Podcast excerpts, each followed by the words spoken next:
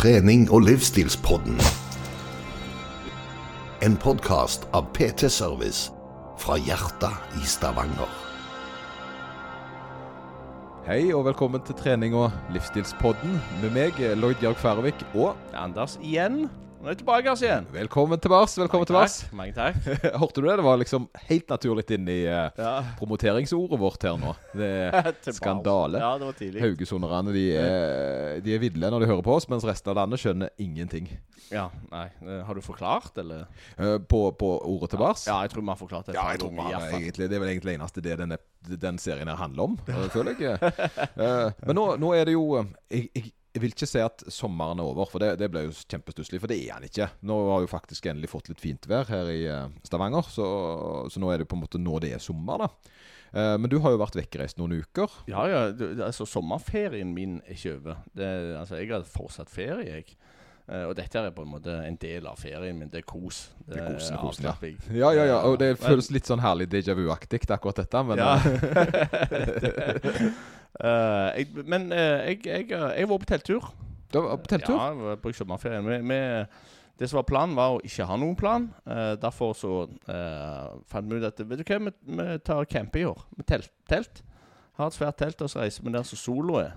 Vi er da altså, bare for de Ja, eh, ivrige koner og to unger. altså. Dere har vært på telttur med da Mhm. to barn og to voksne. Oh yeah. Og, og eh, hvordan gikk det med uh, kona, skulle jeg til å si? Nei, nei, det, det var jo det, Altså, hennes det, Hun var jo mest mer pådriver enn det jeg er. Eller hun var mer pådriver enn det jeg var. Eh, så min, min plan var egentlig bare å kose meg i sommerferien. Punktum. Det, jeg har ikke noe mer enn det. Jeg er jo, jeg, jeg er jo begynt altså Jeg skal jo ikke si altså Det er akkurat det med, med, med telt. Det, det er noe som jeg egentlig er litt eh, eh, Litt sånn ambivalent til. For jeg, eh, de som kjenner meg nærmest, da, de vet hvor vanskelig det er å få meg på hytta, f.eks. Uh, det skjer ikke. Eh, og, det, og det er jo fordi jeg har eh, til, altså, Hele ungdommen var jeg på ei hytte på ei øy uten jevnaldrende. Hver sommer, hver høstferie, vinterferie, alt. da. Eh, og det betyr egentlig at fear of missing out er såpass stort at jeg kan ikke være på hytta. Det går greit hvis jeg kan kjøre derifra og komme meg inn til byen på en forholdsvis sånn eh, eh, forholdsvis eh, korte tid, da.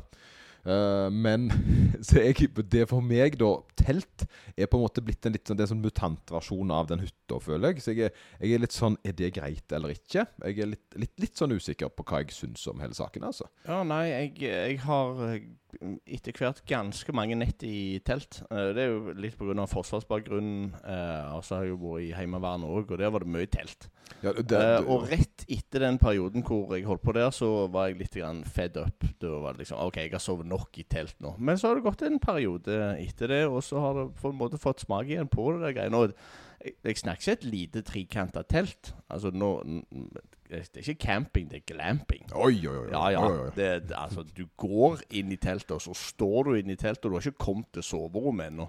Det er såpass, ja. Ja, ja. såpass. Så lite oi, ja, stykke ok, til, så det er ikke noe tull, dette her, altså. Ja, ja. Så det er ikke uh, Altså, det er ganske nice i, i, teltet, altså. Det, men du burde nesten prøvd det. Du, du kan ikke si du ikke liker det Ja, det, er det som er argumentet, da. Men altså, altså, jeg er ganske sikker på at jeg vet at jeg ikke liker øh, Altså, å bli skutt. Sant? Altså Det, det, Det er en sinnssykt dårlig sammenligning.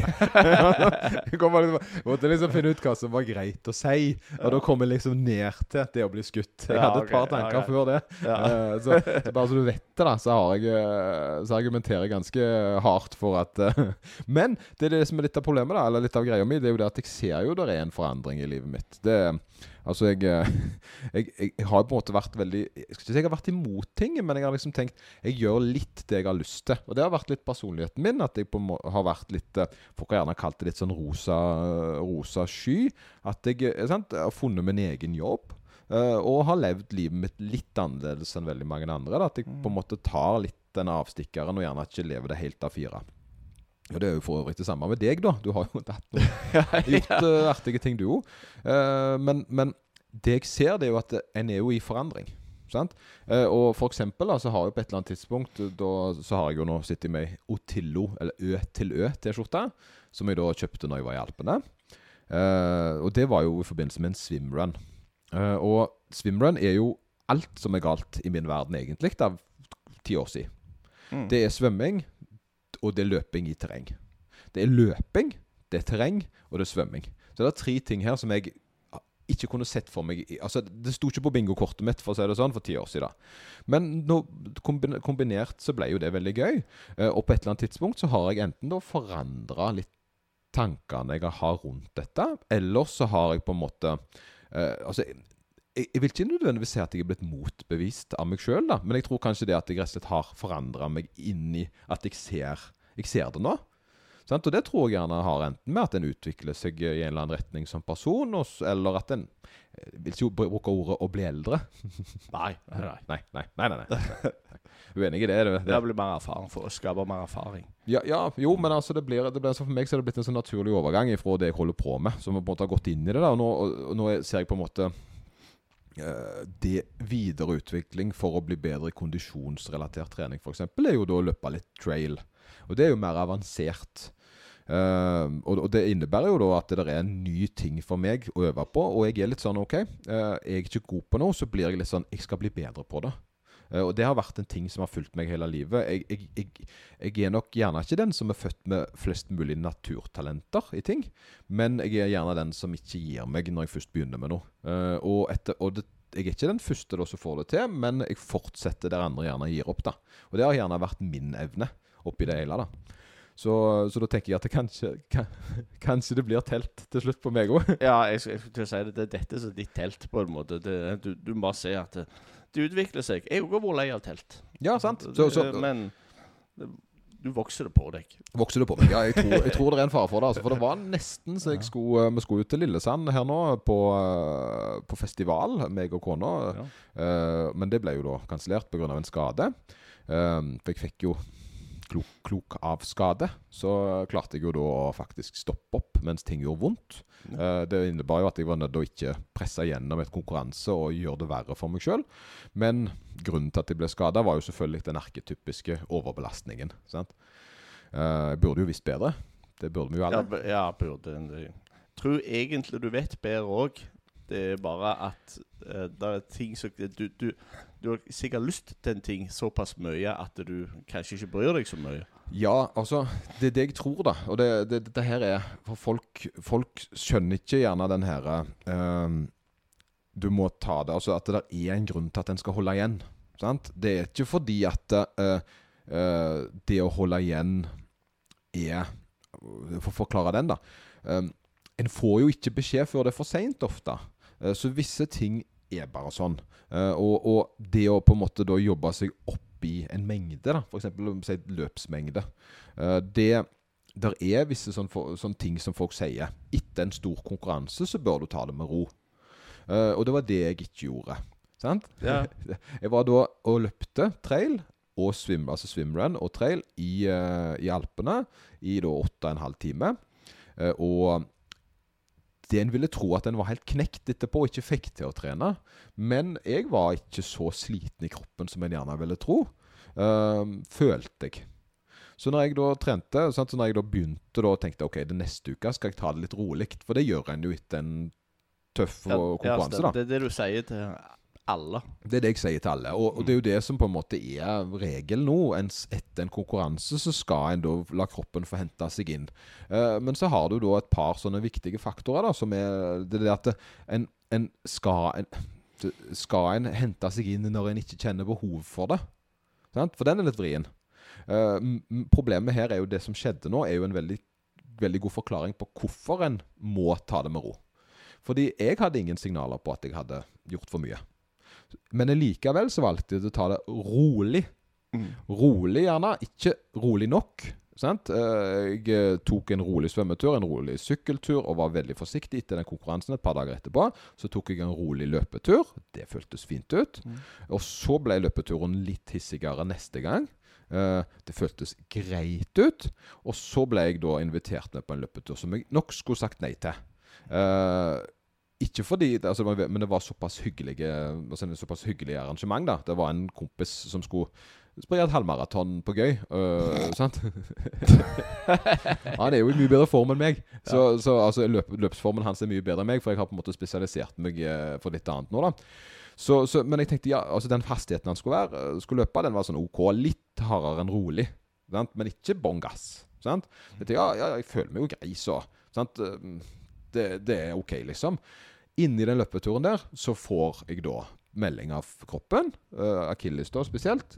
Det er nok. Det er nok nå. Uh, au. Sant? Stopp. Ikke sånn at det liksom akutt smerte, men en økende ubehagssmerte, da. Mm. Det vet jeg jo hva jeg er. Sant? Det betyr at akilles er overbelasta. Så det jeg gjør da, det er å stoppe opp. Uh, og så sier jeg OK, jeg kan ikke være med mer. Jeg presser ikke gjennom denne. Jeg, jeg, følte at det var ikke så vondt at jeg ikke kunne fullført løpeturen. Det var 16 km. Jeg kunne fint løpt fem til. Det var liksom ikke så gale som det, da. Uh, men en klok av skade Da dette, no, denne, Disse signalene kjenner jeg. Skjønner du? Ja, Nå plutselig så fikk jeg et signal. Stopp opp. Men da var det jo for seint. Fordi før det jeg, Altså jeg fikk jo det signalet ikke fordi jeg løpte maraton, halvmaraton med han. Jeg fikk det fordi jeg hadde vært med på konkurranse, hatt litt for brå tilbakekomst til vanlig trening. Sant? Så kroppen min lå litt unna det vanlige res restitusjonen. Sant? Mm. Uh, og det kjente jo ikke jeg. Så hadde jeg tatt det rolig ei eller to uker, så hadde ikke dette skjedd. Og, da, og nå har jeg jo vært ute i tre uker med den akillesskaden. Mm. Uh, er på bedringens vei. Men jeg måtte da si fra meg noe som jeg hadde veldig lyst til å være med på, fordi jeg da var for ivrig til å komme eh, inn mm. i eh, rutina mi igjen. da. Hvor mye setter altså, en sånn skade deg tilbake kontra det å bare ta det rolig de første par dagene etter altså, en, en sånn stor belastning? En, så, sånn, altså, for å si det sånn, Hvis du har tatt en regel på et maraton, mm. er at du skal ha ei uke uten trening. Sånn? Du kan jo gå og sånn så det er liksom lett mobilitetsaktivitet. da uh, Men en skal liksom ikke løpe noe særlig. Og så er det to uker med økende fra litt til mer volum. Og så er det da fjerde uka så er du inne igjen i vanlig. Det er liksom det som er en sånn en regel. Ja, For den første uka der uten trening, da ser jeg for meg Iallfall i mitt hode så har jeg tenkt OK, ei uke uten trening det betyr at jeg kommer til å bli satt tilbake noe. Jeg er nok kanskje ikke så sterk når jeg kommer tilbake igjen da. Uh, nei, ingenting. Uh, det er en sånn god, god, huskeregel på når en mister noe, eller når en på en måte har en prosent decline. da. Og det, det, Dette er jo sånn kjempegod, egentlig, kjempegodt spørsmål. fordi etter syv dager så mister du ikke styrke. Du mister bare litt av signalene du får til å, til å um, aktivere muskulaturen. Og ikke syv dager heller. Vi sier gjerne 9 til 14 dager. Så, og da begynner signalene å bli litt dårligere, så de må vekkes opp igjen. Så en mister egentlig ikke muskelvev på samme måten som en gjerne tenker at hvis en ikke trener på seks måneder, så har en ikke mista muskelvevet. Det bare ikke, er bare ikke så eh, påskrudd. da. Det er litt sånn eh, du, du, må, du, må, vekke det opp igjen. Jeg, jeg så f.eks. en sånn OL-deltaker som var vekke, fra, var vekke fra trening et helt år. Og han var etter tolv uker tilbake igjen til jeg tror det var 6 eller 97 ja. av. sant? Og det, det, er klart at da har null trening på et helt år. Og Her mener jeg det var pga. ulike årsaker, jeg husker ikke det. Men, men en har En mister ikke. Med, med, det er litt sånn denne tankegangen at du er, du er ikke det du har trent opp, det er enten Altså det er latent i deg, da, på en god mm. måte. Så hvis du har en treningsbakgrunn og begynner å trene igjen, så har du mye høyere eh, kapasitet. Altså du har bokmerker, det kalles for satellittreseptorer, til å komme tilbake til det nivået du var på, ganske fort. Så det skal egentlig ikke være noe sånn. Men problemet er bare at det er litt halvmanisk, da. Det er at når du driver på såpass sant, med dette her eh, nivået som jeg holder på med, så, så, er det jo eh, Altså, det er ikke tre dager i uka. Det er to, dager, to ganger til dagen. Livet mitt dreier seg jo veldig mye om dette. Mm. Så for andre folk gjerne som har problemer da å ikke gå på trening, så kan du jo faktisk tippe i andre retningen. Og jeg merker jo det at jeg har vanskelig for å ikke trene. Mm. Men jeg har det. det. det. er sånn at eh, når jeg da skulle hatt ei uke fri, så, så det, det går ikke. Det klarer det ikke. Så noe må jeg gjøre. Eh, for det at jeg har da Det er akkurat som den snap-striken, sant? Ja, ja, ja, ja. Eh, jeg klarer ikke å la være. Uh, og, og, da er det jo det å prøve å være smart nok til å legge nivået lavt nok, for da skader jeg jo ingen. sant? Hvis jeg går en 25 minutters tur, så har jeg jo ikke, da har jeg ikke trent. sant? Oh. Men problemet her er jo uh, uh, altså, Problemet her er jo da at nivået etter denne konkurransen her var, det var for høyt. Hadde jeg venta ei uke, ikke gjort noen ting på ei uke, så hadde jeg vært bedre enn jeg var. Mm. Uh, men jeg kunne jo bare holdt et veldig, veldig lavt nivå. uh, i denne uka der. Sånn, utgangsplanen var jo 20 rolige kilometer denne uka. Men det ble jo 40 harde. Ja. Så du ser ja. forskjellen, da. Ja, jo. Jeg, jeg ser den. Men altså, når du vet dette, at det, hvis du bare tar det rolig denne uka her, så blir du bedre i utgangen av uka. Så kommer du tilbake sterkere. Hva er så grunnen da til at eh, eh, du og kanskje mange andre som trener altså for konkurranse, velger å ha høy intensitet på uh, den treningsøkta hvor du skulle hatt Ja, ferie? Det, jeg tror akkurat Hadde jeg ikke hatt konkurranse å se fram til Kanskje, Jeg vet ikke om det hadde vært annerledes da, men, men det var litt sånn jeg var Altså Problemet når en kommer ifra uh, Se en kommer ifra Ironman og og trent knallbra for å være med på Ironman. Mm. Og, og jeg hadde tett opp mot superperfekt trening som jeg kunne fått fram til Ironman. Trente alle øktene mine, hadde ingen sykdom, slapp unna alle disse ulempene. Ingen skader. Når du da kommer fullfører det, så er du Ja, du er sliten, men du er samtidig i ditt livs form, da. Eh, og, og, og det blir litt sånn Du, du vil ha mer, kanskje? Ja, sant? uh, eh, og, og, og så er det jo det at jeg er jo i en sesong. Jeg har jo, hadde jo etter denne alpegreiene her, så hadde jeg jo to konkurranser til. Så, så jeg eh, kjenner jo at liksom Det og da på en måte Det jeg sier til alle andre Jeg skulle hatt noen som sagt nei. Nei. Du skal gjøre dette og dette. Sant? Mm. Hvis du da på død liv skal fylle de 25 minuttene dine, så går du til Kiwi og kjøper deg en brus, liksom. Sant? Ja. Det var det jeg skulle hatt, da. Mm. Uh, men så blir jeg litt sånn ja, men altså, det, det kjenner ingen vondt. Uh, jeg har jo bygd opp en vanvittig motstand. Altså, jeg, jeg har jo ikke hatt en skade på mange år. Mm. Uh, så, så, så jeg kjenner ingenting vondt. Kroppen føles grei ut. Sant? Men så var det jo sånn regelen telte for meg likevel. Ja, jo, jo, men, men det er jo ofte Jeg tenker du må Det er kanskje en grunn til du ikke har vondt. Det er pga. at du har belasta kroppen sånn at uh, han tåler det. Og så får du en vondt pga. at du belaster den enda mer. Ja, ja, og du blir sterk nok til å tåle en ganske høy eh, påkjenning. Um, men, eh, men sant, altså, for meg så er jo akilles litt sånn Det er jo min akilles, hvis du skjønner. det, det er din akilles. Det er min akilles. Ja, Eh, og det er jo litt artig nok, eh, fordi eh, som styrkeløfter da, så begynte jeg jo da å løpe. Mm. Og problemet med å blande og kombinere styrkeløft og løping er jo at en gjerne har veldig mye drag gjennom korsryggen. da. Uh, da at en kan ha litt mer belastning gjerne gjennom korsryggen, uh, med at en kjører tung markløft, tung knebøy og sånn. Og når en da begynner å løpe, så er en gjerne litt heltung. Sant? At den lander litt hardt. da Og Spesielt når en da løper litt langt i forhold til kanskje kapasiteten sin. Så landa jeg da veldig mye på hæl, som da satte seg opp i ryggen. Så jeg fikk eh, mye problemer med ryggen i starten, og hadde slitt med det i mange år. Og da la jeg meg nok sånn naturlig til en litt sånn tåløpestil, eh, som da eh, Og det er ikke rett.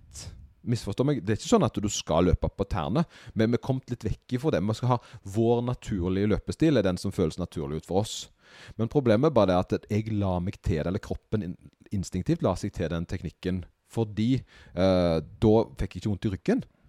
Så, så, og den har jeg jo da på en måte beholdt, og så har jeg jo trent mange år med den teknikken der. da. Så nå løper jeg jo veldig sprettende. Eh? Til og med på lave hastigheter. Så det ser kanskje til og med Folk kommenterer at det ser gjerne litt rart ut. Eh, men med en gang jeg øker farten og vi løper sånn, så ser det jo mer normalt ut. For da er du jo på tærne uansett. Men når jeg da løper rolige turer, så, så er jeg nok veldig spretten. Sånn unødvendig. Jeg er ikke jeg, Det ser ut jeg det ser ut som jeg tror jeg løper fortere enn jeg gjør, da. men men, sant, men det, det er jo da og, Men da bruker jeg jo akilles mer enn uh, en jeg gjerne hadde trengt hvis jeg hadde landa på midtfot, som gjerne skulle vært mer naturlig i den hastigheten. da Men sant, så har du da bygd deg opp til denne Kall det uvanen, som da fungerer greit. Når jeg springer jevnt over de kilometerne jeg gjør, så går det jo greit. Men når jeg da løper fort, så får jeg enda mer belastning på det samme problemet. da. Så da har jeg på en måte en, en litt sånn uheldig situasjon der, da. Ja, Det er ikke mange år siden jeg fant ut at uh, løping er faktisk en kunst. Det er det, ja, men det er det, altså. Men, men den beste måten å bli god å løpe på, er jo utrolig nok å løpe, da. Jo, Eh, vet, vet du, jeg har aldri hatt så stor progresjon som når jeg skulle kjøpe nye sko. For jeg skulle Ja, ja. Jeg, jeg skulle kjøpe nye sko, og så uh, spurte han som skulle selge meg skoene uh, Ja, kan du springe? Altså, Herregud, kan springe? Hvor vanskelig kan det være? Det, Setter den ene foten foran den andre, så er du fort mange ganger, så, så springer du jo. Og så hadde jeg fått se, da. Så hoppet jeg opp på tredemølla, og så filma han jo når jeg sprang. Og så sa jeg 'herregud, du kan ikke springe sånn'. Hæ? Kan du Det kan du snakke om, jeg springer jo! jo, ja, jo, det var ikke det han mente. Men da var han borti dette. her, Du landa på hælen og bremste skritt, og det var ikke måte på. Så måtte måtte lande lenger frampå. Men eh, eh, jeg fikk faktisk ganske god progresjon bare av en sånn liten sånn Han kasta en liten sånn informasjon til meg. 'Spring sånn heller'. OK. Gode sko òg. Ja, gode, ja, og sko, sko er altså Her er jo greia da at er, er det nødvendig med sko, da? Uh, og, og det, det, Jeg trodde liksom ikke at sko var så viktig. At det gjerne bare var et sånt uh, markedskreftene som prøver å selge deg et produkt. da men, uh, men jeg har jo innsett det at sko er på en måte Det er veldig viktig for en løper. Uh, og spesielt uh, det å kunne løpe mye, så trenger du sko som passer deg, da. Og jeg bruker da mine Nike Infinity Flyknit, uh, mm. som da jeg vil tro at nesten dobler evnen min til å løpe volum Altså, De 60 km kan jeg løpe pga. de skoene. Har vi sponsa, eller? Nei, ikke Nei, det, men jeg hadde et lite hopp Hadde lite hopp der at Nike sitter og hører på. ja. uh, og så bare hive et par pakker nå, for nå har jeg snart blåst 600 km på det paret der. Ja. Og, og, når jeg springer 200-250 km i måneden, mm. så bruker jeg opp et par sko på to til tre måneder. Ja, okay. Så det går jo litt sko, da. Ja. Hva er uh, først på de? Mm? Hva er det som ryker først? Det, er, det som er det, er at de ser jo ikke brukt ut. Sant? Men, men eh, de, eh, dette, og dette har jeg spurt flere butikker om. da For dette er litt sånn uh, Hvordan vet du at skoen din er utslitt? Sant? Du kan på, ene, på, den ene måten så kan du tenke ok, er det hull i den? Sant? Er den revna? Eller sant? Lik, sånne ting. da Det er jo tydelige tegn på at den er Altså fysiske tegn, da. Men så har du det andre, da. Så er det sånn at så jeg springer, så springer jeg for det meste på enten asfalt eller fin grus. Så han har ikke sånn spesielt preg av å være utslitt. Ikke drar jeg skoen så mye borti heller, så jeg har ikke så mye, mye drag da som gjør at det, han slites. Men det, jeg kan forklare det sånn at en ny sko oppleves litt som om man hjelper deg framover. At du får på en måte noe av kraften du putter inn i bakken, med deg til neste steg. Så du spretter litt framover. Og det Litt av jobben jo, til skoen er jo å være med deg at det ikke blir så hard landing. Men når på en måte du lander på en våt sokk, eller sant? Når du lander, så, Tenk at du løper med en våt ullsokk, og det bare klatt, klatt, klatt. Så er på en måte formet brukt opp. da. Uh, det den, og det, det, er sånn jeg merker at mine sko er brukt opp. Da har jeg, da har jeg den følelsen av at, det, at det, det, det, er ikke noe Han hjelper meg ikke framover lenger. Og så begynner jeg faktisk å kjenne det litt grann i ledda. Som om at jeg får litt mer slag inn i ledda enn jeg pleier å få.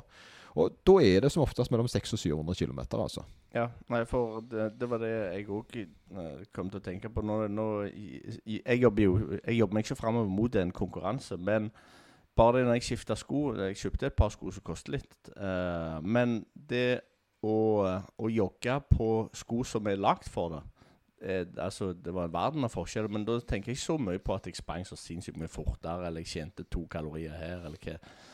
Uh, det var mer at uh, det er ikke så vondt.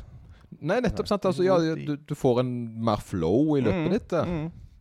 Og, og, det merker jeg jo nå, nå, nå med akillesen. da Det er jo det at sant? Når den er på en måte litt sår, så, så kan vi jo ta dette her med uh, Hva gjør en når en skader seg, da? Uh, ja, hva gjorde du? det jeg gjorde, da, det er at jeg, med en gang jeg fikk et ubehag Og jeg, jeg har en sånn liten regel. Det er at jeg kan løpe på tre av ti smerter på de fleste plasser. Så lenge det ikke øker. Regelen min er veldig enkel. Uh, holder det seg stabilt eller er synkende, så er det greit. Stiger det, er det stigende ubehag, så stopper jeg med tre av ti. Da har jeg fått nok. Og Samme gjør jeg med akilles. Det er det at jeg, jeg fører da, jeg fører da uh, alltid på en skade som forhindrer meg i å gjøre noe. Så fører jeg en, en blogg eller en blogg, notisblokk heter det vel, litt mer korrekt. Ja. Fører opp dagbok, skriver i dag, så kjentes det sånn ut. Sånn våkna jeg til den ubehaget. Og så aktivitet, så skriver, beskri, beskriver jeg aktiviteten. Uh, og løping for meg er da hvor langt løpte jeg, hvor fort løpte jeg, og var det vondt. Sant? Og da er det gjerne informasjon var det vondt når jeg starta, var det vondt når jeg slutta. Og så kan jeg se neste gang.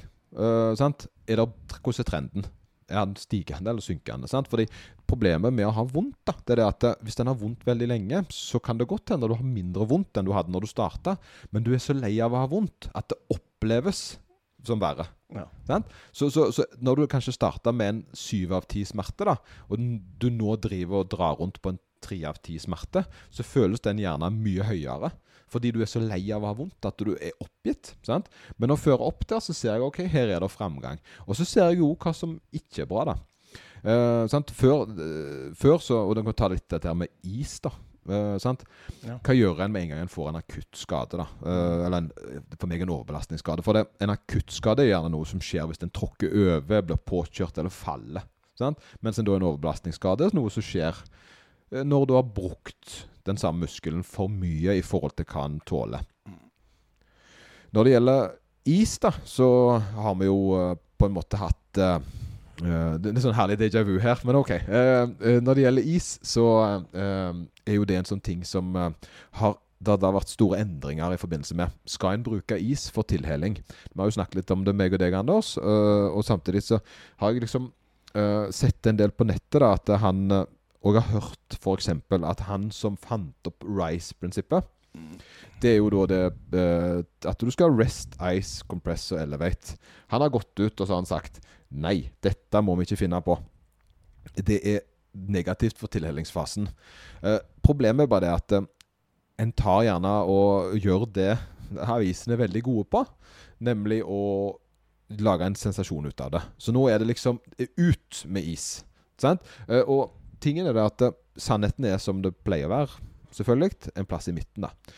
Eh, og når en bruker is, da, så, um, så kan det være veldig effektivt hvis en har en akuttskade som en vil dempe da smerten på, eller hevelsen på. sant? Du er jo sykepleier, så det er, liksom, det er jo ting dere vet ikke, Eller bra. Ja, jo, det, det, det som har vært uh, tidligere altså de, Helt i starten, i akuttfasen, altså det som skjer rett etter du har skada deg, det har du på en måte lyst å eh, Altså isen og kompre, kompresjon skal fungere sånn at eh, du, du unngår en hevelse. Og det du gjør når du unngår den hevelsen, det er jo det at eh, en hevelse kan, hvis det er en stor hevelse, kan være med å trykke på blodårene. Hvis han trykker på blodårene, så får ikke, så, så får ikke skadestedet reparert. Ja, Så og, jeg vil argumentasjonen bak å bruke det, i hvert fall det som har vært, er at eh, ikke få hevel, altså for store hevelser helt, helt i starten. Eh, og så etterpå, altså bruker du det en dag etterpå, så er det jo helt ubrukelig. For det at da ja, ja, for det er jo det som gjerne har blitt litt sånn mistolka her. Det er jo den mellomtingen da, der en da tar og så eh, bruker Har en ispose og tar den på hver kveld. Ja. Sant? Det er jo den delen som gjerne er er gått ut. da Men viktigere er det gjerne ikke det at en OK, ja, det har litt negativ effekt for tilhelingsfasen, men det viktigste er gjerne den delen som heter rest. Sant? For en skal ikke rest. En skal grad... Den største endringen. Den største endringen, ja. Ja. Nettopp det. At en skal ikke lenger da gjøre sånn sant? Eh, som en gjerne fikk beskjed om før hvis en skada seg. Det er at en skal ikke ta eh, to uker fri. Sant? Eh, fordi det er ikke noe magisk som skjer på to uker. En skal gradvis tilpasse aktiviteten i forhold til hvor mye en har skada seg. Sant? Eh, til og med når en opererer seg nå, så er en ganske fort i gang med bevegelser. Før så var det sånn operert, så var det null aktivitet. Og da var det jo en ganske lav sånn Altså det har blitt en mye høyere prosentgrad av effekt på operasjoner etter en da begynte å gjøre opptrening i en veldig tidlig fase. Eh, da er selvfølgelig i forhold til eh, smerte. da, En kan jo ikke begynne med sant, Har en operert skulder, så skal en jo ikke begynne med støt, rykke rykk og støt sant, på dag én, men en begynner da med lette bevegelser i forhold til hva en tåler, og så gradvis jobbe seg tilbake til da, eh, den eh, sportsaktiviteten en holdt på med. da. Eh, og det er jo det jeg har gjort. sant? Det er jo da også gradvis jobbe meg inn igjen i, eh, etter skaden, og så, på en måte eh, tilført litt og litt og litt eh, aktivitet etter jeg på en måte eh, har følt da at det gjorde vondt eller ikke. da. Mm. Ja, eh, altså, bruker du fortsatt Vil du fortsatt brukt is på et eller annet, eller Jeg, jeg vil ikke det lenger. Uh, altså Selvfølgelig igjen, hvis at jeg hadde krasja med sykkel sant? Mm. Og, og jeg hadde brukket bein eller, altså, fått en skikkelig smell, da. Mm. Så ja, i en smertefase så kunne det kanskje vært greit fram til, men under opptrening så bruker ikke jeg is lenger. Eh, det gjør jeg ikke. Og heller to rest. Det er jo det som er greia. da For folk Ja. kommenterer jo gjerne til meg, og så sier de 'Har ikke du vondt i akilles? Du er jo Mm. ute og løper og sånn'.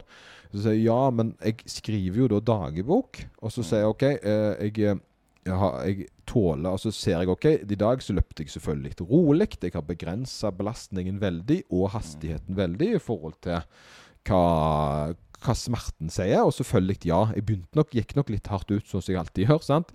Eh, der jeg da eh, nok uh, uh, belasta Hadde litt mange kilometer. Uh, men, måtte, det, men det gjorde jeg jo da. Når jeg da skrev denne dagboka, så skrev jeg ok, da ble det jo verre. De første dagene så ble det litt verre etter løpetur. Men så ok, hvis de gikk ned til rundt fire kilometer med rolig tempo, og sjekka hver tredje dag, så så jeg progresjon. Mm. Så er det jo da opptreningen, sant? og der bruker jeg jo en klassisk, da, eller en nymotens protokoll. Mm. Klassisk, sier jeg. En protokoll i forbindelse med da eh, hvordan en skal trene opp akilles. Og det er jo da eh, Det er jo to forskjellige gjerne akillesskader en sier. Den ene er jo da i festet, som på hælen, og den andre er da midt i midten på akillessena, da. Og, og, den jeg har, da skal en da eh, trene den opp med styrke, og gjerne med type eh, negativ eh, Altså statiske tåhev og litt forskjellig. Og så skal en gradvis da jobbe seg opp til der en kan f.eks. hoppe. da.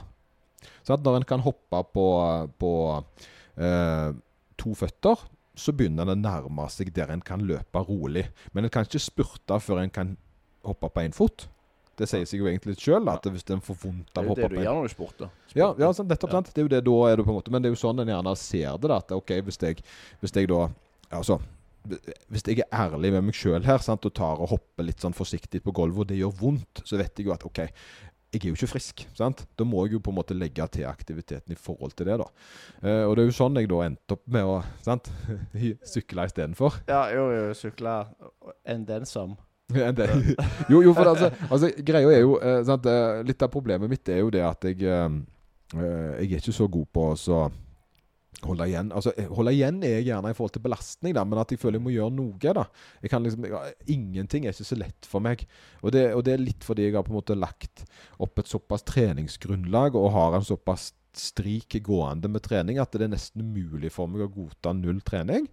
Uh, og, da, og, da, er det naturlig at ok, bytte ut og gjerne det en ikke skal gjøre, er jo da å øke alt annet. sant? Ja. Jeg skal jo ikke det. Altså, det er jo klassisk. det er jo Sånn jeg, sånn jeg skada meg i skuldrene. Sant? Fikk, vondt. I, fikk vondt i beina. Sant? Kunne ikke trene knebøy. Ok, da skal du spesialisere deg i benkpress.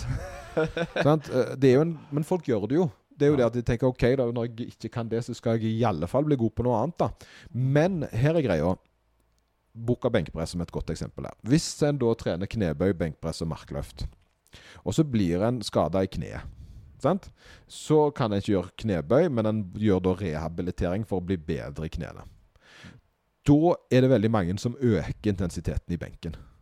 Problemet bare er at du kan ikke øke intensiteten i benken over din restitusjonsevne. Og du får gjerne litt økt restitusjonsevne når du ikke spesialiserer deg i mange ting samtidig. Men det er en balanse som må gradvis økes der òg. En dobling er det lite sannsynlig det er.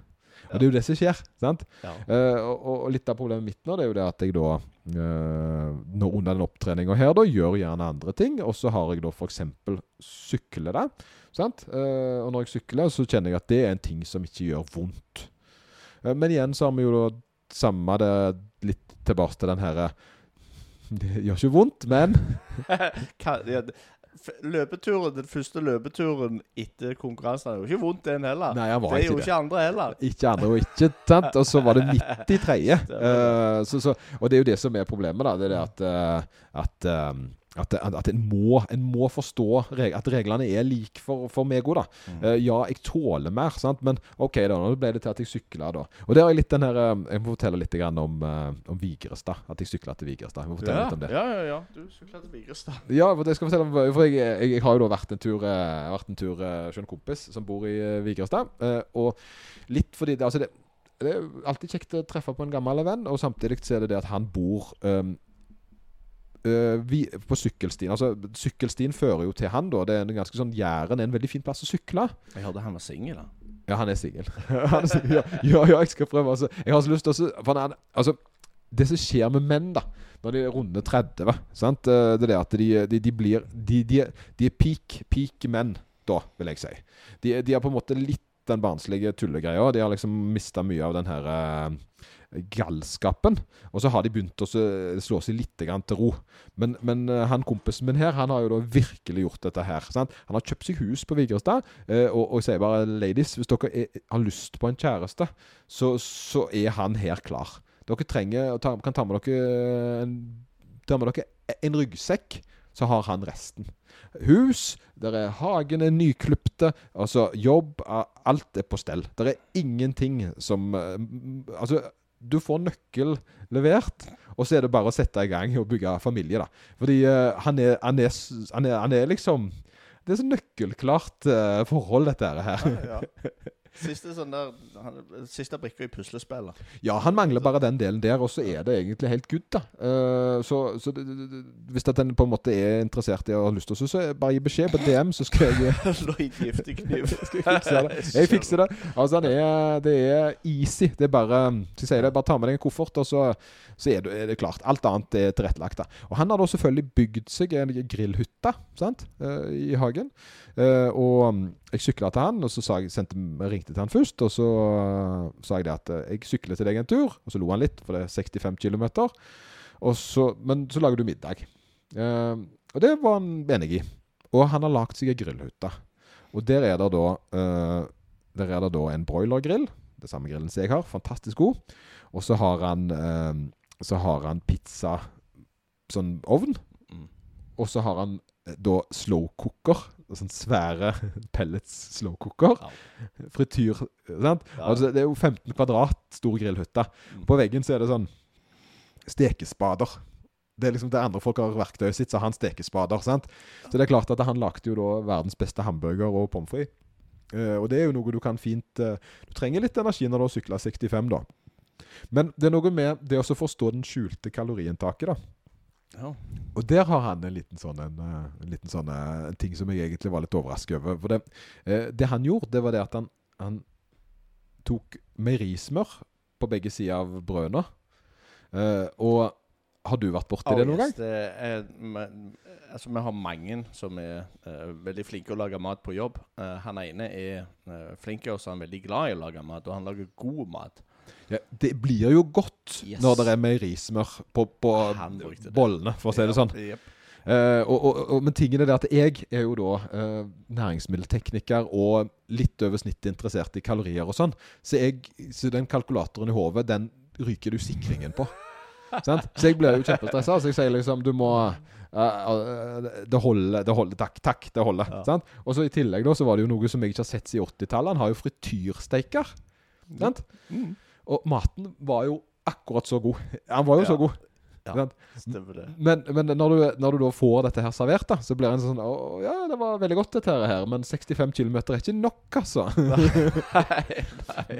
men, men, men så skjedde det noe rart. Det var det at jeg satt der, eh, og, så, eh, og så kjente jeg det at jeg hadde egentlig tenkt å ta toget. Men så kom plutselig da mer og mer energi, da. Og, og det en vet når en driver på med litt mer sånn ekstrem, litt mer lengre kondisjonsretta ting, det er at det, det, er ikke som oftest, det er ikke så ofte det at det, det er ikke alltid det at du er sliten som er problemet. Det er det at du har gått tom for mat. Mm. Kroppen din har ikke så mye næring. Så når jeg da hadde fått inn den hamburgeren og eh, pommes fritesen, så kjente jeg at nå, nå kunne jeg faktisk sykle hjem igjen. da. Du sykla faktisk hjem igjen. Jeg sykla hjem igjen. Eh, og da var det motvind, eh, og jeg sykla det ca. på samme tida som eh, jeg gjorde andre veien. Ja. Eh, og, og det gjorde jeg jo fordi sant, energien mitt var plutselig der eh, oppe. Men så har du jo det, da. Hva var det jeg skulle, da? Jeg skulle ta det med ro. Ja, ja, jo, jo, jeg stemmer der, ja. ja. Så, så, eh, men, men heldigvis, uh, igjen uh, sant? Her har du den der, da. Akilles ga ikke noe feilmelding på det. Dagen etterpå var jeg ikke ekstra sår eller noen ting. Og det er litt fordi jeg da sant, gjør sånn som triatlonutøvere ofte gjør. Det er en sånn ting som en ikke kommer på. Det er at eh, syklister de har sånn klipp på skoene. Sant?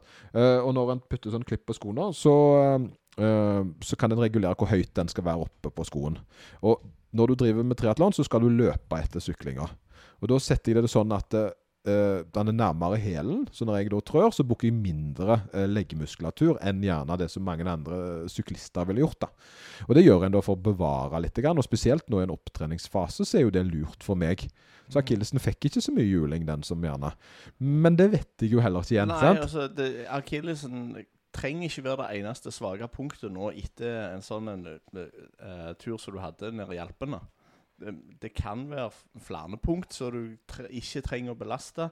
tenker Jeg så jeg tror det det som du sier til alle andre, og det som står i programmet òg, og som er på en måte uh, sunt folkevett, det er at du Jeg tenker jo går det an å ta det med ro, så er vel det egentlig det beste for kroppen, tenker jeg. Du, ja, du ville tro I den det. fasen du er i nå. Ja, det, og her er jo det at jeg er jo i en uh, egentlig sånn Hvis jeg skal på en måte si hvor jeg er hen på årets faser, da, så er jeg jo egentlig midt i konkurransesesongen. Og da skal en egentlig være pika. En skal være i stand til å yte raskest mulig. Uh, en skal ikke være seigest mulig. Sant? En skal på en måte, så da er det en skal, Og når en går fra konkurranse til konkurranse, sånn som jeg gjør, det er en kunst. Det er ikke så lett det å ha tre, eh, altså ha to-tre uker mellom konkurransene. Og, og du blir ikke bedre i form gjerne på den tida der, men du klarer gjerne å bevare formen imellom. da. Så det er mer opplevelsesmessig de gjør det for. Sånn Noen ting har en gjerne som Så jeg kan ikke ha maks prioritet på alle konkurranser, fordi da må en trene Da mister en veldig mye trening imellom. Så noen kan en se på som treningskonkurranser, der en holder litt igjen og har det som en del av treninga. Men akkurat nå så har jeg gjort ting som er såpass tunge for meg at det var ikke mulig for meg å se på som trening. da. Ja.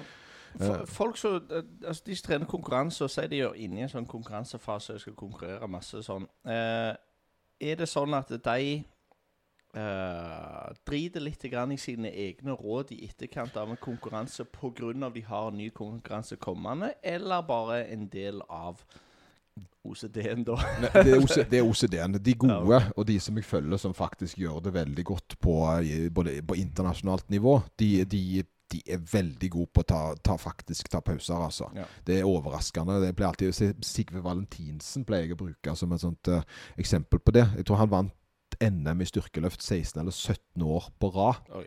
Sant? Eh, altså best. Sant? Mm. Eh, og han hadde juli av.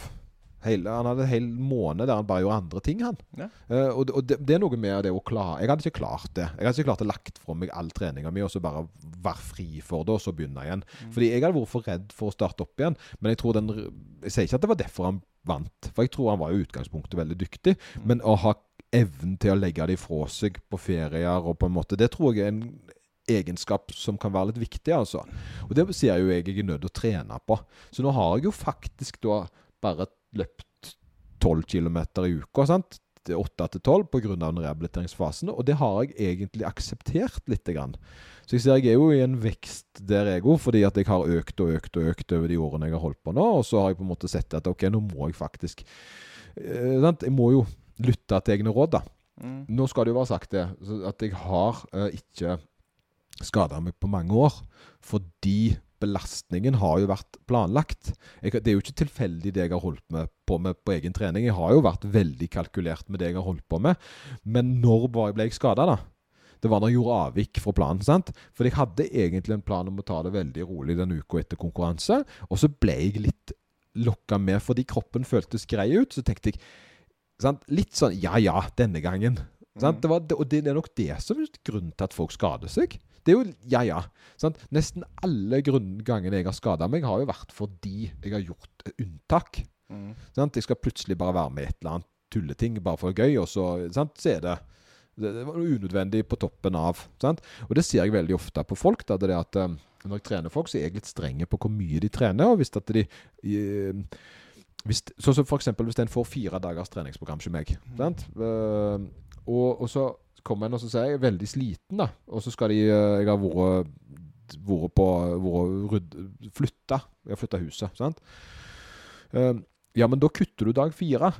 Fordi at uh, mengden aktivitet du nå gjør denne uka her på veldig kort tid, den overskrider gjerne det restitusjonen din klarer. Så du kan ikke prøve å hente inn treninga di på toppen av den ekstra aktiviteten. Når det er utenomaktiviteter, som f.eks. flytting eller tunge ting som du har vært med på, konkurranser f.eks., så skal en da flytte de tingene som gjerne Altså en må tilrettelegge mengden den uka, da.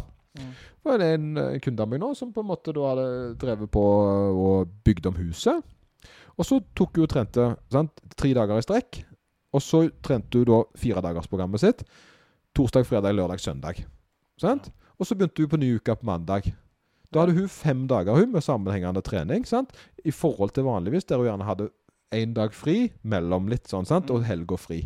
Og da plutselig så ble mengden på kort tid for mye for henne, så fikk hun vondt i skuldra. Ja. Sant? Eh, og det ser en Det en skulle ha gjort der, var jo da også OK. eh, har jeg nå revet huset og bygd om?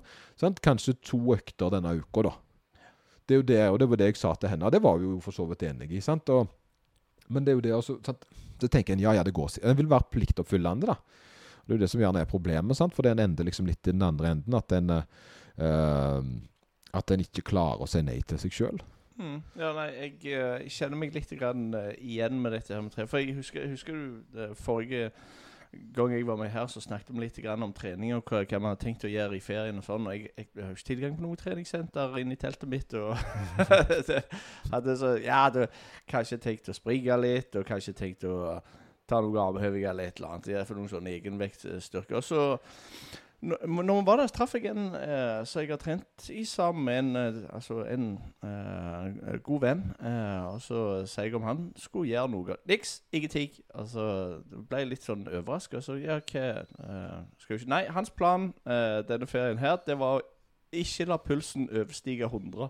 Ja, sant? Ja, men han eh, tok bare og så tok det med ro. Og det er det jeg tenker litt at det, det, Har du lyst til det, så er jo det helt greit. Og så hvis du da er en person som kan gå rett inn i trening igjen etterpå, så kommer en gjerne både med økt eh, Altså Både med økt motivasjon og alt. Det gjør et skikkelig uh... For akkurat det skjedde, ser du. For det at uh, med, med, en gang han nevnte det, så hadde jeg en sånn liten på skulderen min som bare brølte. Ja, ja, ta den! Du òg! Bli med på den! Bli med på den, ja, ja, ja stemmer, stemmer. Jo, vet du hva? Jeg, jeg, jeg, blir med på dette her greiene, som hadde jo en utrolig fin ferie. Det, Uh, og jeg, tankene slapp å gå mot dette her treningsgreiene. Og altså, jeg fikk lov å få litt fri fra det heller med familien og alt det der. Uh, men det som skjedde i etterkant, det er jo det at uh, jeg har Altså etter den uka så jeg, jeg har møtt opp på treningssenteret, og det er lenge siden jeg har vært så motivert. da. Ja, men Så fantastisk. sant? Ja. Det er jo nettopp det som skjer da. Det, og det, det, det en ser gjerne. da. Og det, Du må snakke litt om det som kalles for deload. da. Det er jo litt sånn Deloid. Deloid, ja, ja, ja. For det står jo i programmet. sant? Ja. Det er jo noe jeg legger inn på programmene til folk, og det er jo da i det periodene etter konkurranser. Nettopp fordi. sant? Mm. En skal da bremse ned fordi en har gjerne gjort noe ekstra.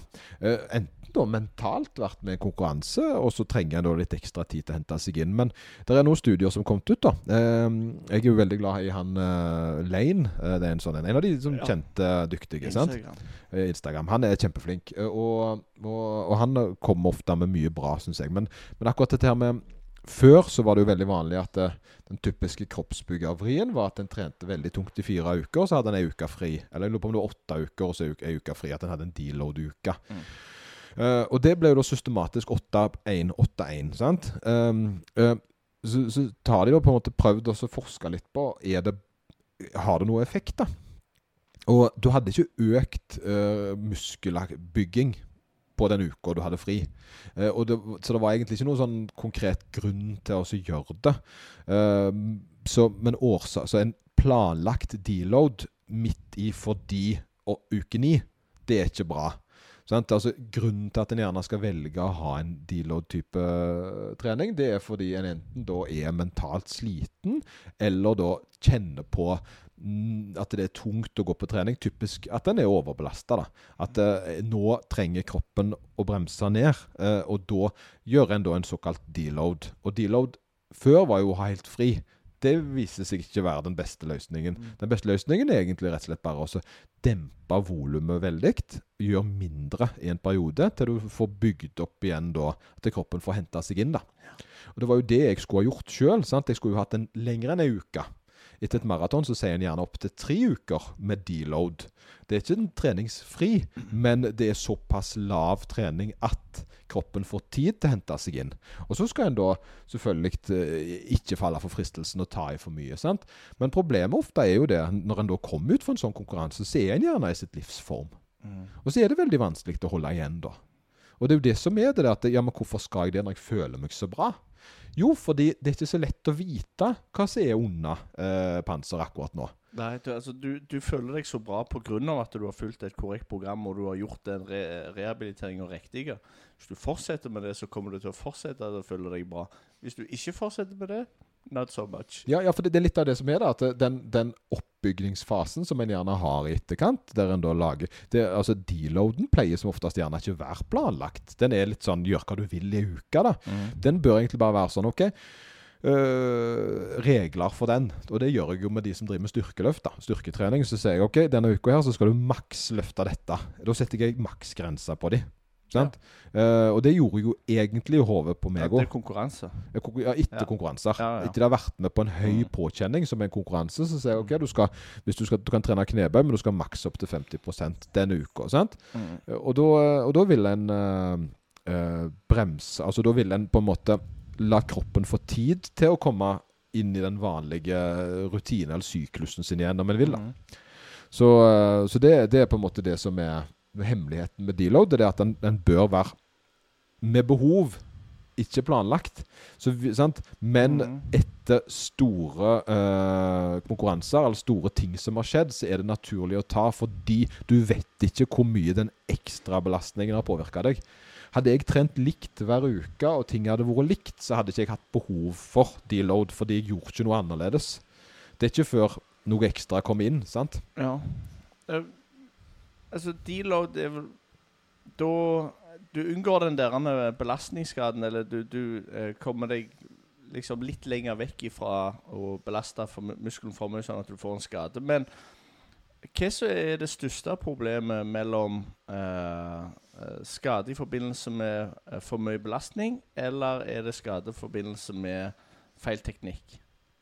Uh, altså, det er ikke noe som uh, direkte heter eh, Skal vi se, jeg må bare få skru av eh, en, eh, skru av en støvsuger. Ja, da, da spør jeg igjen. Uh, for mye belastning eller feil teknikk? Er det det som fører til skade? Altså, Hvilken er hyppigst? Er det, er det riktig å kalle det Altså, det, det, det, det ser ofte det at grunnen til at folk skader seg, er en veldig klassisk feil. Det er en overbelastning. eh, som skjer at de har gjort for mye i forhold til restitusjon over lang tid, eller en akutt skade. Sant? Eh, så sa vi jo da, at det, det er egentlig ikke noe som heter dårlig teknikk. Uh, det er bare det at noen har en teknikk som utsetter deg mer for skade. Sant? Og, og for å forklare det, Hvis vi fjerner teknikkspørsmålet, så er folk skrudd sammen forskjellig. Så har du noen da som har veldig lange for eksempel, Sånn som meg, da. så Hvis jeg skal gjøre knebøy, så må jeg gjøre low bar. Jeg må da ha eh, jeg må da ha stanga litt lavt på ryggen, og jeg blir litt foroverbøyd. Og jeg sant, har mye vinkler. Jeg har lange bein og kort overkropp. Det betyr da at vinkelen i hofta mi er ganske høy for at jeg skal komme i da godkjent dybde. Eh, En person som har da en typisk vektløfterkropp, gjerne, den ser der en har veldig lang overkropp og korte bein, som lett setter seg på huk da, eh, med rett rygg, har ikke den samme belastningsgraden i vinklene sine. Så hofter og knær har ikke de samme belastningene på samme motstand. Så den personen tåler jo å trene mer enn meg, fordi de utsetter kroppen for mindre belastning på samme grunnlaget. da. Mm. Men det er litt sånn, Tenk sånn da, hvis du to stykker skal springe 10 km. Hvem får mest belastning? Han som veier 50, eller han som veier 100 kg? Kim. Kim. så det er jo selvfølgelig han som veier mest. Ja. Sant? Selv om de springer like langt, så er det mer belastning per uh, fotsteg. Og samme er det jo da med, med vinkler. At hvis du har en uh, fysikk som gjør at du har mm, sant, høyere vinkel på leddene dine, så vil du da ha mer belastning. Og, og, og det betyr jo at en må løfte litt på sin fysikk. Sant? Så når en da sier feil, eh, sant, så har en da så går vi videre, og så snakker vi om det som kalles for feilteknikk, der en da gjerne krummer ryggen. da. Mm. Det, det er mye øh, forskning nå som på en måte er litt med at det, det er ikke så farlig å krumme ryggen lenger når de gjør markløft. Det er en naturlig del av det å ta i. Eh, sant? Jeg er litt sånn reservert med å si at bare gjør det. Men eh, forskningen er litt på at det spiller ikke så stor rolle så lenge du er sterk nok til å tåle det. Mm. Så du har trent deg opp til å løfte med krumma rygg, på en måte. Sant? At muskelen rett og slett har Og der er jo flaskehalsen, da. Det blir jo alltid det. Sant? Hvis du har lange armer og bein sant? og gjør en low bar knebøy, så vil vinkelen på kneet alltid være flaskehalsen eller hofta. Sant? Og folk har forskjellige flaskehalser i forhold til hvordan de er skrudd sammen. Og det er jo svakhetene deres. Og de svakhetene kan en gjerne overføre i dårlig teknikk. da. Har han en suboptimal teknikk i forhold til sin kropp, så er flaskehalsen det en gjør feil. Mm. Sant? Og det må en fikse opp i, for da tåler en å trene mer og har potensielt sett høyere evne til å Altså kan komme høyere i uh, resultatene. Eh, merker du det sjøl? Altså, du, du snakker om lowbar, du må lenger bak med denne her uh, stonga. Uh, merker du det sjøl, eller er det greiest å få noen som har peiling til å kikke litt på? det, den her, jeg, jeg vil jo da si at det er faktisk veldig vanskelig å vite hva som er rett eller gale. For det føles som oftest bare feil. Sant? Og, så, kan en med um, det, ta, kan, kan ta en sånn litt rar ting, da. Hvis en løper veldig mye Hvis en løper veldig mye, sant? eller hvis en trener veldig mye knebøy, så vil en uh, optimalisere teknikken. Så hvis du løfter feil over lang tid, så vil du bli veldig god på det. Og på et eller annet tidspunkt så vil det bli riktig for deg. Sant? Ja. Det betyr ikke at det er optimalt for deg, men du er veldig god på å gjøre kroppen eh, At kroppen tilpasses til det han holder på med. Sant? Mm. Uh, men en person som har et øye for disse vinklene og vet det, kan nok gjøre at den reisen din blir mye kortere. Fordi han kan hjelpe deg med å fortelle hvordan det føles feil. Hvis, kan, hvis, det, hvis en person kan peke på deg og si hva du kjenner på, og hvordan du kan fjerne den følelsen, det er en person som kan hjelpe deg. Ja.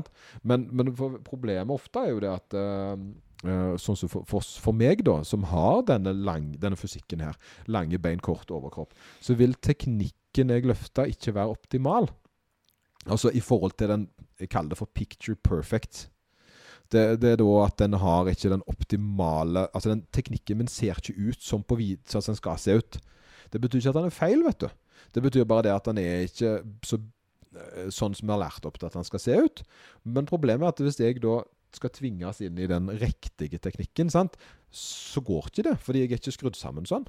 Mine vinkler kan ikke jeg flytte inn i den boksen. Ja. Og hvis de prøver, så ender jeg opp med å skade meg. Mm. Og det er jo sånn jeg ble skada. Ja. Så øh, Nå er det en Se her, han tør, han tør det. Nå er han skutt igjen. Ja, og det var skummelt her. Det var en katt som er inne hos oss. Ja. Skumle greier. For du, du har, så har du de som sier ja, jeg trener iallfall ikke markløft pga. det er farlig for ryggen. Sant? Det er et kjempegodt eksempel. da. Uh, der har du da en, uh, der har du da en uh, person som har gjort markløft noen gang, og så eh, har han da Koselig. Så har han eh, Jeg ble skada en gang når jeg gjorde markløft. Så markløft er farlig. Jeg har hørt at det er farlig Ja, for det er ofte ryggen, det. jeg, Jeg, er jeg, har hørt at det er farlig. Bøyer du, bøyer du litt på ryggen, så knekker den, og du ramler i to eller noe. Stemmer. Kjempefarlig. Kjempefarlig med markløft. Sant? Og det må ikke gjøre det. Det er farlig for ryggen. Pass ryggen, sier de. Sant? Men greia er det at det, altså, hvis du trener for tung markløft i forhold til hva kroppen tåler, så får du vondt i ryggen. Ikke fordi du gjør markløft, men fordi du gjør noe som er for tungt for det svakeste punktet ditt. Sant? Men hvis du trener markløft systematisk over lang tid, så vil den ryggen din tåle dette mer og mer og mer. Og plutselig så har du såpass mye kilo i markløften at det overgår problemer, altså hverdagsbelastningen din. Sant? For det er jo derfor folk blir skada når de sitter på kontoret og får vondt i ryggen, eller hva det måtte være, og ikke trener. Det er at de har ikke en kropp som tåler det de holder på med. Og da sier kroppen au, jeg tåler ikke å sitte i denne posisjonen så lenge. Løsningen for å fikse dette er jo da Da går folk til kiropraktor eller fysioterapeut. sant? Og så er det jo litt løye, da, for det at alle fysioterapeuter og kiropraktorer gir jo alle som er gode, i alle fall, gir jo øvelser. Mm. Men hvor mange tror du gjør de øvelsene? Og i prosent, tenker du? I prosent? Jeg, jeg sier 100. Jeg er positiv. og du er positiv? Ja, Ja, ja, ok. jeg 100 i dag. La oss bare si det er ikke 100, da. Eh, En kan, en kan kjenne på det sjøl, for jeg har ikke noe konkret tall her. Men, eh, men jeg, jeg vil våge å påstå at eh, veldig mange velger å ta det arket som de får med seg fra kiropraktoren, og så hiver de det i en skuff. Eh, problemet er bare at det du gjorde ikke uh, fysioen eller kiropraktoren, det var smertelindring. Det som står på arket, det er hvordan du fikser det. Ja. Du må styrke det opp gradvis, og da gjerne med øvelser som man har vist, som skal styrke det området, sånn at du tåler livsstilen din. Hvis du ikke gjør en endring med den da, så vil du ikke klare å tåle å holde på med det du da øh, ønsker. da. Eh, det er der treningen kommer, og det er der f.eks. markløft. Da, når du da trener systematisk da markløft over lang tid, så vil kroppen din bli såpass sterk at ting som er mindre avansert enn markløft, det tåler han veldig lett. Ja. Så du har på en måte en veldig stor motor som passer til veldig mye forskjellige aktiviteter. Og det er jo da fordelen med å trene. da. Sant? Så markløft er ikke farlig, det er bare farlig hvis du gjør markløft på feil grunnlag. sant? Ja. Eller, så. Nei, for, for det jeg òg har hørt. Det er liksom, ja, jeg, jeg, jeg tar ikke markløft at jeg, jeg har ikke så sterk rygg. Og sånn. Mm, ja, Hvordan har du tenkt å få sterkere rygg, da? Ja, sant? altså, hvordan har du? Ja, og, det, det, og dette er litt sånn uh, eldre generasjonsgreier. er At jeg, jeg Mm. trener ikke Jeg er litt redd for knærne. Mm. Og veldig mange av den eldre altså min foreldregenerasjon har veldig mye kneproblemer. Uh, og så har de gjort ingenting. Og så skjønner de ikke hvorfor de har vondt i knærne. Mm. Visste du det at de nesten ikke gjør kneoperasjoner lenger, og kun anbefaler opptrening? Nei, det visste jeg ikke. Nei, sant? Altså det er veldig populært Altså det er veldig vanlig nå at hvis du får, altså knærne blir ikke utslitt fordi jeg løper. Knærne mine blir sterkere. Altså det, det, det med, med, med, et- vi, har en, eh, vi har en evne til å tilpasse det. Sant? Det er klart at Hvis det er svære problemer i knærne dine, som på en måte sant? eh, Du har eh, blitt påkjørt, eller hva det er, så er det jo én ting. Men, men altså det aller aller beste du kan gjøre for å få mindre vondt i knærne dine, er å begynne å aktivt jobbe med dem. Jobbe, altså Styrke dem sånn at de tåler da hverdagen din, som da gjerne er å gå eller gå i fjellet eller hva det måtte være. Det å på en måte ikke gjøre noen ting og forvente at det skal bli en bedre situasjon ut av det, vil ikke være en løsning, altså. Jeg likte eks- eksempel var å bli påkjørt. Da har du vondt i kneet. Jo, jo, sant. jo, for jeg tenker de opererer da. Det er ikke sånn Nei, nei, nei, nei, nei du får melde deg på treningsstudio. det, det er liksom ikke den. Det, det, her er det, det er, men det er, det er andre Altså, i de fleste tilfeller så vil en at du skal gjøre fysioøvelser. Altså du skal begynne, trene litt, trene mer, bli sterk. Men dette her med eh, altså, kneøvelser og de tingene vi snakker om nå, det er vel ofte for eh, altså folk som har eh, trent en stund eller eh, levd en stund, for det er ikke helt sånn i ungdommen, tenker jeg. Jo, men der òg. Det er jo veldig mange ungdommer nå som, eh, som kommer inn og så har eh, som, som rett og slett har sk- skjøta seg sjøl såpass at de trenger å trene opp kroppen sin. Det går bare fortere med de. Sant? Problemet Ja. er bare det altså en, en ung gutt eller jente, eh, tenårene, spretter veldig fort fram. Men hvis de ikke gjør noen ting, så kan de begynne å få både rundt i rygg og hofter og alt mulig, de òg. Men de, de er såpass unge at de har veldig lett kommet inn, inn igjen da. Sant? Problemet er at når du nærmer deg liksom 30-40-50, så krever det mer og mer vedlikehold. Ja. Og det er jo det det egentlig handler om. Det er at eh, Vi har en sånn oppfatning av at vi skal bli smertefrie igjen. Men sant? Og, sånn som du var når du var yngre, da. Og jo mer du trener, jo vondere får du, sier de. Ja? Nei, det er du som er blitt eldre.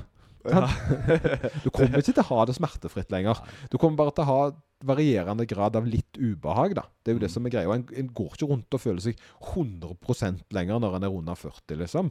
Men det er greit. Ikke noe over 40 heller. Har jeg.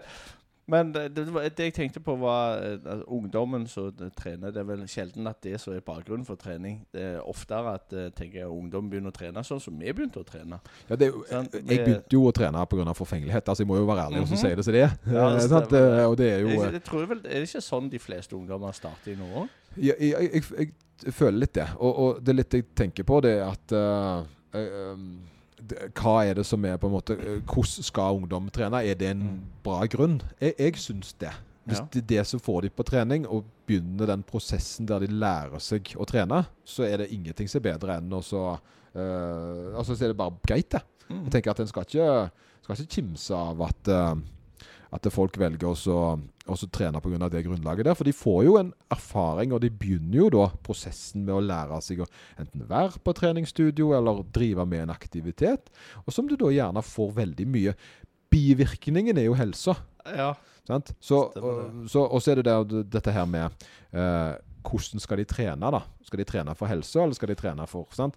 Eh, og da var det en i går som kom til meg, og så sa han Sønnen hadde, meldt, hadde veldig lyst Jeg vet ikke hvor gammel han var, sånn 13-14 år. Og skulle være med i en sånn konkurranse der han skulle ta 200 situps til dagen. ja. Var det i klassen, dette her? Jeg tror det var sånn vennegreier. Ja, okay, Eh, ja. TikTok-challenge, sikkert. Å ja, ja, det var ikke en sånn konkurranse én mot én. Det er bare sånn challenge at de skulle gjøre dette her hver dag så og så lenge. Ja, jeg tror det var en sånn måned med ja, Og så tenkte de nok de skulle få, sit-up, få sixpack av dette, da. Men det er jo klart at en har jo sant? Det er jo kostholdet som styrer det. Men, men så var han redd for at han skulle skade seg, da. Eh, fordi det en tror gjerne, det er at hvis at en gutt trener veldig mye six, altså mye mage, Ja. så får en vondt i ryggen. At en på en måte ødelegger for noe annet. Men det gjør en ikke. Det, det, er sånne, det er ikke sånn vi, vi trodde det før. da Da trodde vi at vi, du måtte trene korsrygg, hofte og mage likt. At det skulle være i balanse. Ja. Eh, eh, ellers så ble en skada. Men det er vi vekk ifra. da Men Nå er det sånn du kan være eh, svak i magen og ikke ha vondt i ryggen. Skjønner du? Altså det, det, det henger ikke sammen. Det, det er bare det at den svakheten din det er flaskehalsen din. Sant? Så har du en sterk mage og en svak rygg, så, så kan du styrke ryggen din, og så er problemet løst. Du må ikke slutte å trene magen. da. Så han spesialiserer jo bare i magetrening, på en måte. Det er jo det han gjør, og det har jo ikke noe sånt negativ effekt for noe annet.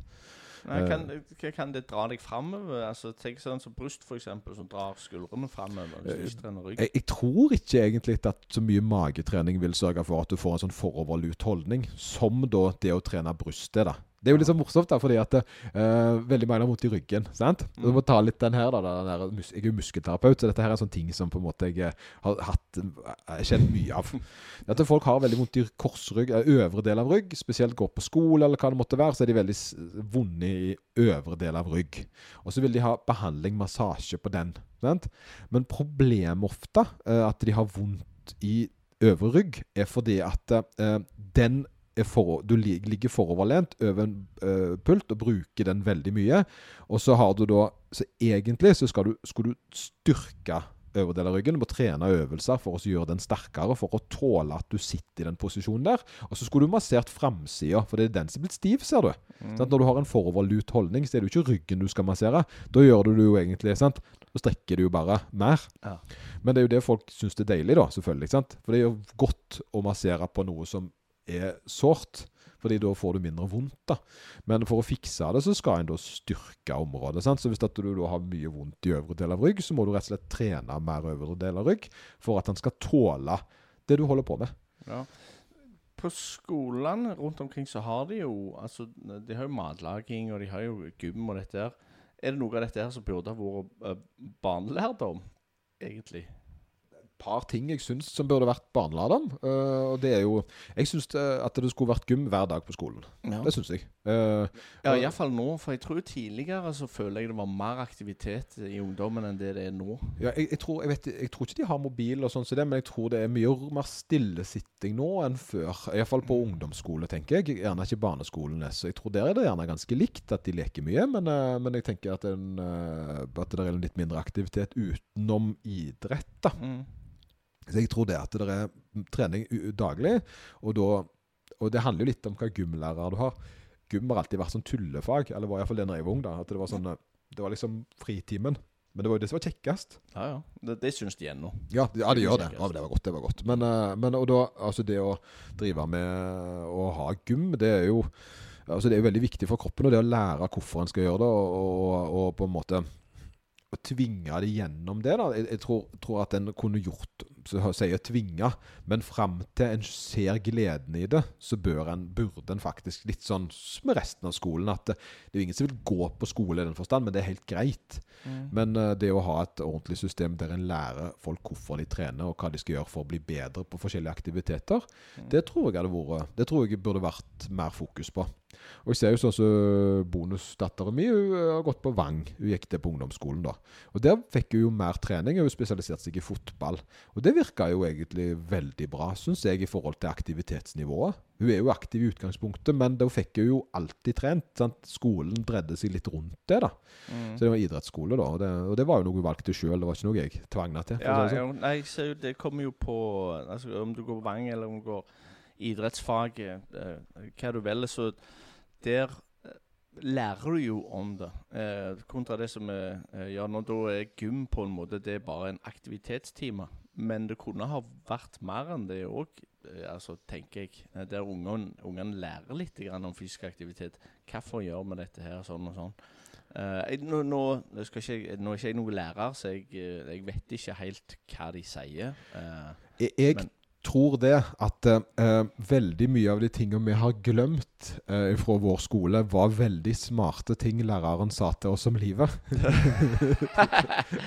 og jeg tror at til og med på 80-tallet mm. og 90-tallet så hadde lærerne våre mye god kunnskap som vi ikke var klar for å høre ennå. Ja. Uh, og jeg tror nok det at vi gjerne sier litt sånn Nei, vi gjorde ikke det med. Så var det nok noen som konstant nega om det, eh, både hjemme og alle andre plasser, som vi bare ikke valgte å høre på. Uh, og, men jeg tror det nettopp det å gi det den spinnen da, som gjør at uh, du kan relatere det til den alderstrinnet du er i.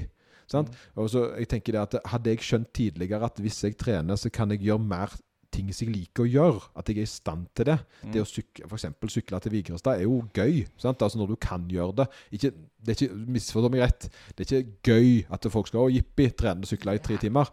Men å være i stand til det, og at det ikke er på en måte noe som en uh, føler seg død av etterpå, den friheten det gir meg, er jo veldig bra ellers i livet, da. Og det å ha en kropp som da jeg kan være med på å prøve ting. sant? Jeg kan liksom være med og så teste ut forskjellige ting. Det er klart at det gir meg masse, gir meg masse glede. Sant? Altså nå, nå, synes jeg nå har jeg begynt med trailrun, det, det, er jo fordi kroppen min er i stand til det. Han var jo ikke i stand til det for 20 år siden. Altså Da var jeg ikke i form til det, for da satt jeg bare hjemme og gama da, sant? og trente litt styrke. Så, så det, det, det, har på en måte jeg, jeg, tror det at en hadde klart å formidle den beskjeden på en måte som, som hadde vært tydeligere mm. for de da. Det ikke ja. kommer sånn ovenfra og ned. Det er veldig viktig for ellers så har du det ikke bra når du blir 40. Det er ingen som gidder å høre på det. Ikke jeg heller. Du tenkte jeg begynner å trene når jeg er 40, tenkte jeg når jeg hørte det. Ja. Sant? Uh, Skjerp deg, liksom. Uh, ta to uker, ta, ta et sånn skippertak da, og så er det da Olsen. Stemmer. sant? Det var feil eh, insentiv, rett og slett. Mm. Men sant? hvis folk ønsker liksom ha Si hvis de begynner å trene for de forfengelighet, som jeg gjorde, da, og så etter hvert fikk en kunnskap rundt trening Ikke bare ble det en lidenskap, men det ble jo jobben min. da. Så, mm. så jeg fant jo på en måte veien min på grunn av treninga. Mm. Uh, og, og, det er jo det som gjør det litt uh, gøy, da. Ja. Ja, nei, jeg jeg har ikke fått noe jobb i det. Jeg, nå er jo jobben min fysisk. Så, du, du, du, jeg vil si du hadde, du hadde nok ikke vært der du er i dag, hadde det ikke vært for aktiv treninga di? Nei, det, det, tror jeg ikke. Men det er på en måte Det òg tror jeg var et resultat av at jeg har trivdes med det jeg holder på med, og så har det bare utvikla seg hele tida. Så har jeg funnet et eller annet som jeg trives med. Sånn i jobbsammenheng, der uh, alle ting bare faller sammen, virker det sånn. Ja, og, men jeg tror jobben din kanskje er kjekkere for deg, fordi du er i såpass god form. Ja, ja. Altså, Ikke den delen av jobben din som er kjip, du, sant? han er jo brannmann, men, uh, men, at du er på en måte i stand til også, sant? Altså, Det er jo en del fysisk arbeid du gjør, da. Mm. Uh, og det er klart at uh, hvis du på en måte hadde trent deg opp for å være, være i form til å gjøre sertifikatet, på en måte, og så og så forfalt du, og så hadde det tungt på jobb fordi all belastning du gjorde på jobb var slitsomt, så det er klart at det, det påvirker. da. Mm. Men nå, nå, er du jo i såpass god stand at det, at det er lettere for deg. sant? Ja, for tilbake litt til det du sa. Det gjør meg på en måte i stand til å trives med ting som, eh, uh, som er fysisk belastende. På grunn av. Helt riktig. Det er bare et resultat. Ja, og det, og det, er jo en indirekte årsak som en gjerne sant? Og det, det, er jo etterpåklokskapen som snakker der. Det er jo det som er greia. Hvis jeg da, ikke sant? Men så, Det begynte jo med at en var forfengelig, og så ble ja. en jo brannmann. Ja, ja, ja, altså, og så ble en jo eh, plutselig noe likevel Stemmer som en har Forhåpentligvis leve litt lenger på grunn av eh, Leve litt bedre mens en lever. Sant? Ja, ja, ja. Uh, og, og, litt av de tingene der da, som gjerne en ikke helt klarer å selge så godt uh, til en ung og lovende. da. Uh, så, så, all årsak til en begynner, det tror jeg det kan være hva som helst. Ja, altså, det, og det er jo, altså Trives du med det du holder på med, det tenker jeg se på. Det er akkurat det. Skal vi ta oss og runde av uh, ja. her? Runde. Fantastisk. fantastisk. Mm. Dette var kjekt, altså. Det var helt uh, konge. Uh, ja, lite Fortell litt om at bildet tror jeg er ganske greit i dag, sånn at folk kan gå inn på YouTube. Og ja, ja, vet du hva. vi gjør en liten innsats for det. Men skal, skal, ta, vi skal ta en oppsummering så det ikke gikk stille hen, da. men dette er altså fjerde gangen vi spiller en dagens episode. ja, det. og nå har vi da altså gjort um, en del endringer. både med Det har låst seg såpass mange ganger, og jeg har gradvis funnet ut hvorfor det har låst seg. Eh, og så til slutt nå så fikk vi en kjempeinnspilling tidligere i dag, som da ble ødelagt. Så hvis du merker at det er noe som er litt off mellom en 25 minuttersen her i dag, så er det fordi at dette er to forskjellige innspillinger som er limt sammen. Men da var vi så leie av å ta innledninga på ny igjen uh, at uh, men nå ser det faktisk ut til å fungere akkurat sånn som det skal. Ja, ja, ja. Uh, og nå vi, og nå har vi òg hatt mange timer med innspilling uten at ting har gått seg varmt. så, så, jeg tror faktisk at vi har funnet den løsninga som vi har slitt sånn med fram til nå. da. Mm. Så all ære for det, men la det ikke gå stille hen hvor hardt vi har jobba. så skal jeg prøve å lime det sammen til én god episode, så får vi se om jeg får det til. Ja. Mm. Da er det bare å Se oss på YouTube, uh, fordi vi har jobba veldig hardt for denne videoen her. Uh, eller høre oss på Spotify og iTunes. Uh, hat på oss på TikTok, eller meg da spesielt. og så håper jeg at vi ses neste uke. Konge. Kjekt av oss.